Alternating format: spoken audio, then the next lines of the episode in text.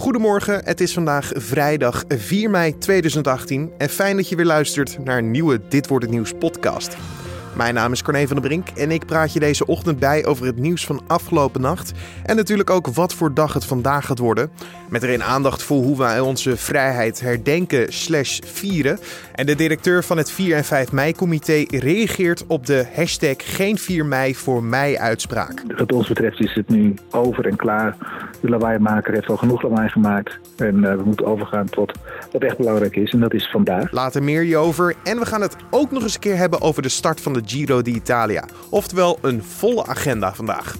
Maar eerst kijken we kort terug naar het belangrijkste nieuws van afgelopen nacht. In Jemen dreigt een nieuwe cholera-uitbraak omdat het regenseizoen is begonnen. Hierdoor lopen miljoenen mensen in gevaar in het land. Zo waarschuwden onderzoekers gisteren. De dreiging kan nog een aantal maanden duren omdat het regenseizoen loopt van half april tot eind augustus. Volgens USA Today is Kylie Jenner zowel Beyoncé als haar halfzus Kim Kardashian voorbijgestreefd als werelds meest invloedrijke social media influencer. Haar post zouden een waarde hebben van 1 miljoen dollar. En dit vanwege het aantal mensen dat haar post een like geeft of daadwerkelijk overgaat tot het aanschaffen van een item dat Kylie promoot via haar socials. Van de Poolse werknemers die in 2011 naar Nederland kwamen, was bijna een derde hier vijf jaar later nog. Het zijn meer vrouwen dan mannen en de meeste staan niet bij de gemeente ingeschreven. Polen uit de jongste en oudste leeftijdscategorie vertrekken relatief snel weer. Twitter adviseert al zijn gebruikers om hun wachtwoord te veranderen. Nadat het bedrijf een fout ontdekte waardoor de wachtwoorden op een bepaalde manier in zijn systeem verkeerd werden opgeslagen. Door de fout waren de wachtwoorden inzichtelijk voor iedereen die in dat deel van het systeem konden komen. Twitter zegt geen indicatie te hebben dat de wachtwoorden zijn gestolen of door iemand zijn misbruikt. De fout die ervoor zorgde dat de wachtwoorden zichtbaar waren, is inmiddels wel opgelost. En dan kijken we naar het nieuws van vandaag, oftewel, dit wordt het nieuws. Vandaag op 4 mei herdenken wij de slachtoffers die zijn gestorven voor onze vrijheid. Aan de hand van kransen leggen en twee minuten van stilte. Morgen met 5 mei vieren we juist de vrijheid, onder andere door de grote festivals in het land. Dit jaar is de voorbereiding naar 4 mei alleen niet soepel te noemen. Ik verwijs naar de hashtag geen 4 mei voor mij actie van Rogier Meijerink. Gisteren besloot de rechter dat hij geen luchtalarmgeluid af mag laten gaan tijdens de dodenherdenking op de Dam. Tevens heeft hij ook een gebiedsverbod gekregen. We spraken met directeur van het 4 en 5 mei-comité, Jan van Koten, over of deze zaak een smet op de dodenherdenking voor hun is en hoe 4 en 5 mei er dit jaar uit zal gaan zien. Nou, mag ik het dus van een andere kant uh, uh, beschouwen. Uh, ik heb mij verbaasd over het feit dat er iemand, een eenling, in staat is om met een Facebookpagina zoveel uh, onrust in de samenleving te creëren. En ik denk dat iedereen uh, zich eens even bij zichzelf te raden moet gaan. Van uh, ja, wat, wat, wat doen we eigenlijk nu met elkaar? We zien het al eigenlijk jaren dat er rond 4 mei een discussie plaatsvindt. En dat is helemaal niet erg, want het is altijd goed om een thema wat leeft aan alle kanten te bekijken. En als mensen zeggen van nou, het zou een beetje meer naar links of een beetje naar rechts moeten, prima, dat is goed. Dat doen we zelfs ook het hele jaar door met allerlei groepen. Uh, maar rond 4 mei uh, zie je dat mensen uh, die gelegenheid gebruik maken om aandacht te vragen voor onderwerpen die vaak er helemaal niets mee te maken hebben. en soms zijn het gewoon eenlingen. En dat is wel verbazingwekkend, hoe dat ja, dan in de media ja, zo zijn eigen ontwikkeling doormaakt. Hè? Dus in één keer iets groot wordt, terwijl ik denk, nou, ja, uh, vanaf dag één dat wij de reactie kregen van deze meneer, hebben wij gezegd: wij reageren niet op elke Facebookpagina. Uh, en dat, die lijn hebben wij eigenlijk consequent volgehouden. Uh, dus wat ons betreft is het nu over en klaar. De lawaaimaker heeft al genoeg lawaai gemaakt. En uh, we moeten overgaan tot wat echt belangrijk is. En dat is vandaag. Uh, heeft u wel, uh, u heeft natuurlijk dit helemaal gevolgd. U heeft het gezien. u bent het dan niet eens met de actie. Heeft u wel begrip voor de bewegingsredenen van deze persoon? Het onderwerp wat hij adresseert is helemaal niet nieuw. Dat is al een tijdje in discussie in dit land. Hoe gaan wij om met bepaalde delen van onze geschiedenis, met name dat deel wat te maken heeft met de dekolonisatie. Uh, daar is niet zo heel lang geleden een, een, een dikke pil over verschenen, over, van, van Limbach. die ook een aantal dingen duidelijk maakt, die ons wel tot nadenken stemt in de samenleving. Van hoe hebben we daar opgetreden? Wie, wie, wie daar besluiten? Wie hebben daar besluiten over genomen? Wie hebben daar opdrachten gegeven? Hoeveel slachtoffers heeft dat veroorzaakt? Dat is geen nieuwe discussie.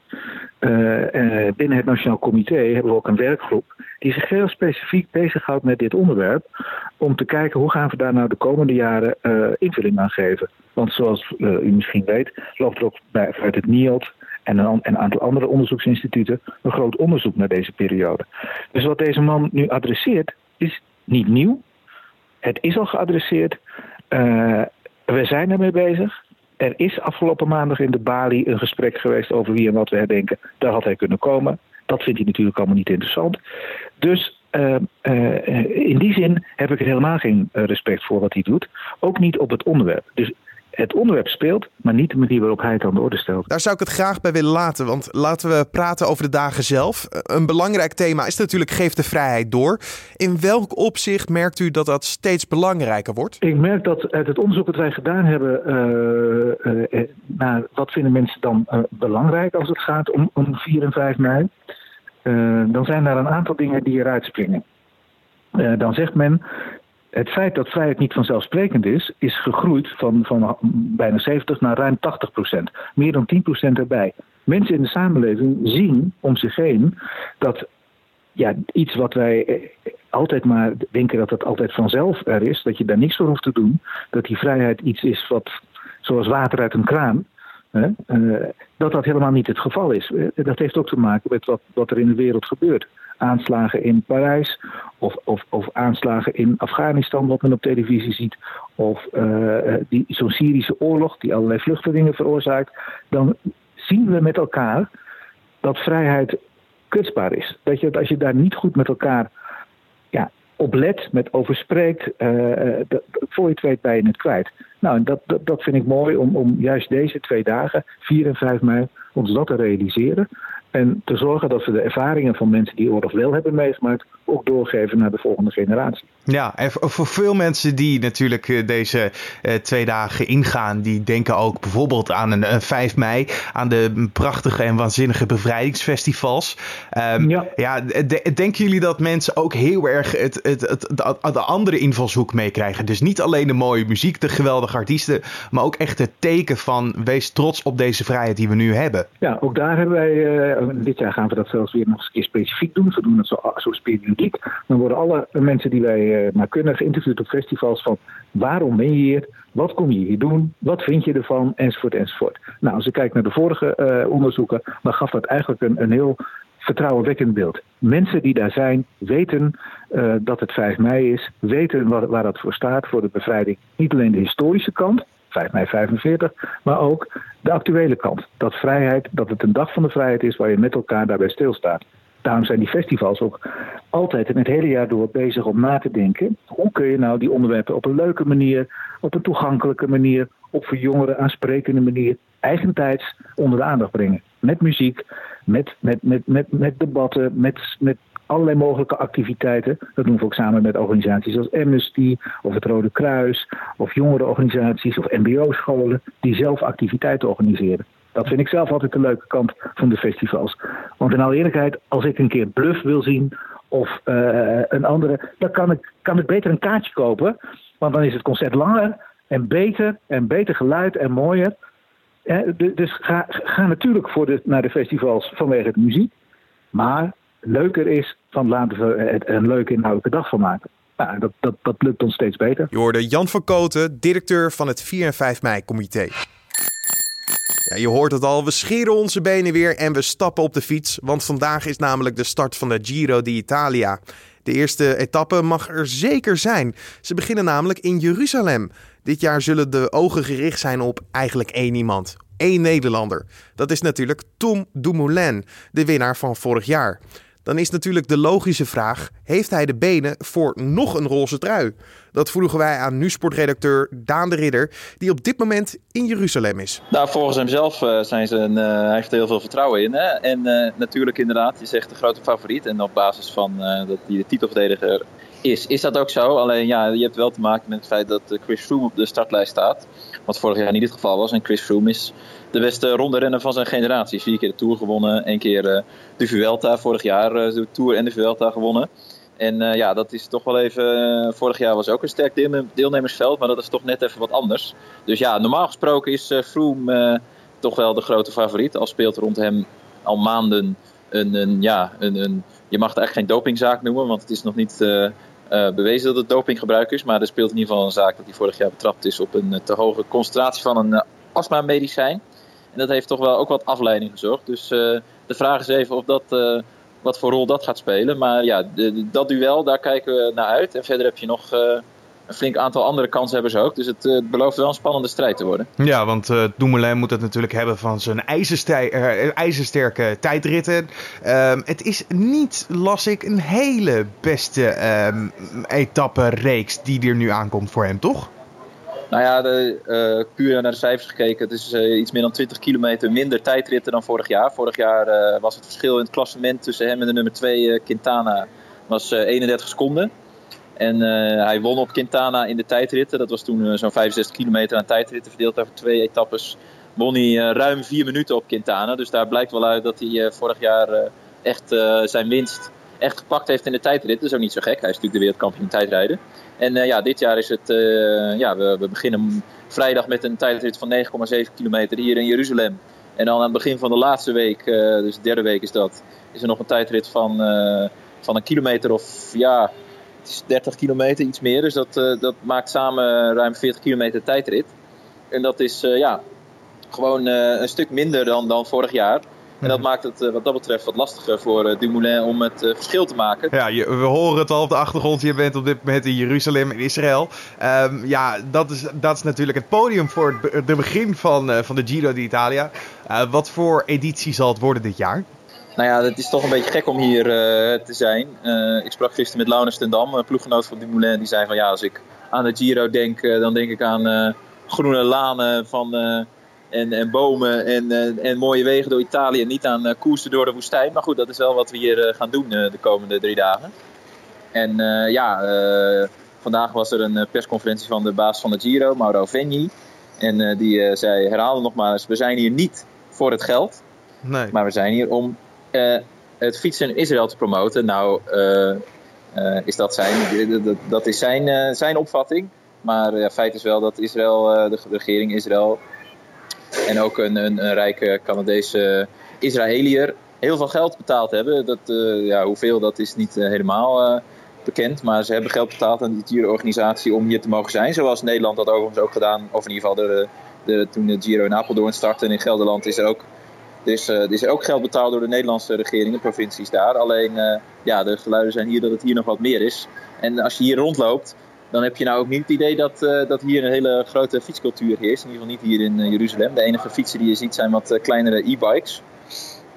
maar goed, ja, de, de grote initiator van dit hele geheel, dat is dus die Canadese miljardair die een aantal jaar geleden naar Tel Aviv is geëmigreerd. Die blijft maar herhalen dat hij van Tel Aviv en misschien wel van Israël het Amsterdam van het Midden-Oosten wil maken. En hij hoopt dat, ja, dat, dat, dat deze Giro met, met de wielrenners hier die door de stad gaan en dan door het land zaterdag en zondag dat die daarbij zullen helpen dat heel Israël aan het fietsen gaat. Het zijn uh, drie weken de Giro d'Italia dat je kan genieten uh, van uh, het wielergeweld.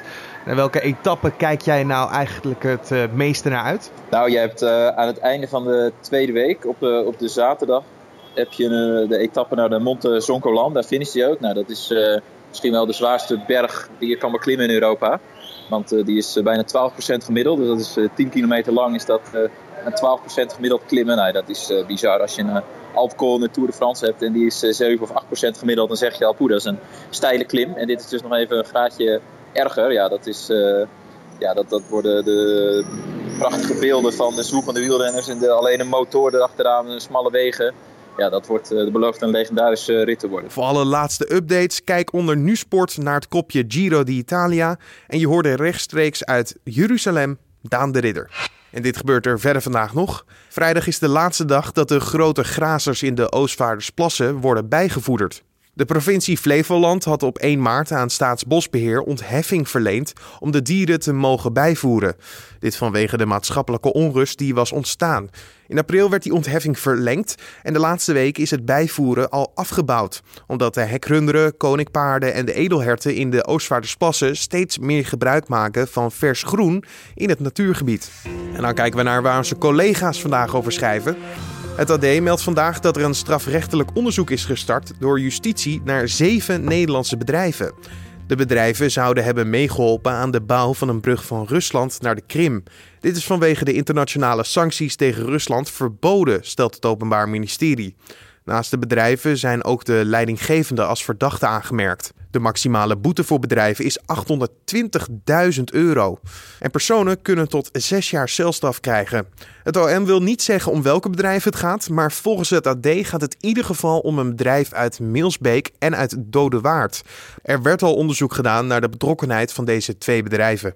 Schiphol blijft de komende jaren bezet in de ochtend- en avondpieken. Er is geen capaciteit om meer starts en landingen in de piekuren uit te voeren.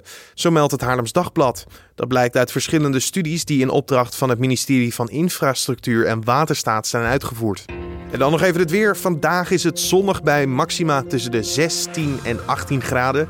Tijdens de dodenherdenking kan het kalm worden. Ongeveer de 13 graden tikt het aan. Het weekend verloopt zonnig en droog. Zaterdag is het 19 tot lokaal 23 graden. En zondag kan het lokaal 25 graden worden. Ook na het weekend kunnen we nog genieten van het zonnige en warme weer. En dan nog dit. Aan de nieuwe reeks van Temptation Island doen bekende Nederlanders mee. Dat werd gisteravond duidelijk bij de laatste aflevering van het vorige seizoen. Wie er meedoen is nog niet bekend. Eerder kwam wel al naar buiten dat het programma wordt gepresenteerd door Jolante Snijder-Cabau en Kai Gorgels. Dus we moeten nog eventjes wachten op meer informatie. In ieder geval weten we dat Temptation Island Vips vanaf 7 juni te zien is bij Videoland. Dit was dan de Dit wordt het nieuws podcast voor deze vrijdag 4 mei. Ik hoop dat je ons kan verblijden met een recensie op iTunes en een mailtje via redactie@nu.nl. Zet erin wat je van de podcast vindt en wees vooral eerlijk zou ik zeggen. Voor nu zou ik je een mooie dag, een mooi weekend willen wensen en ik ben er maandag weer. Dus tot dan.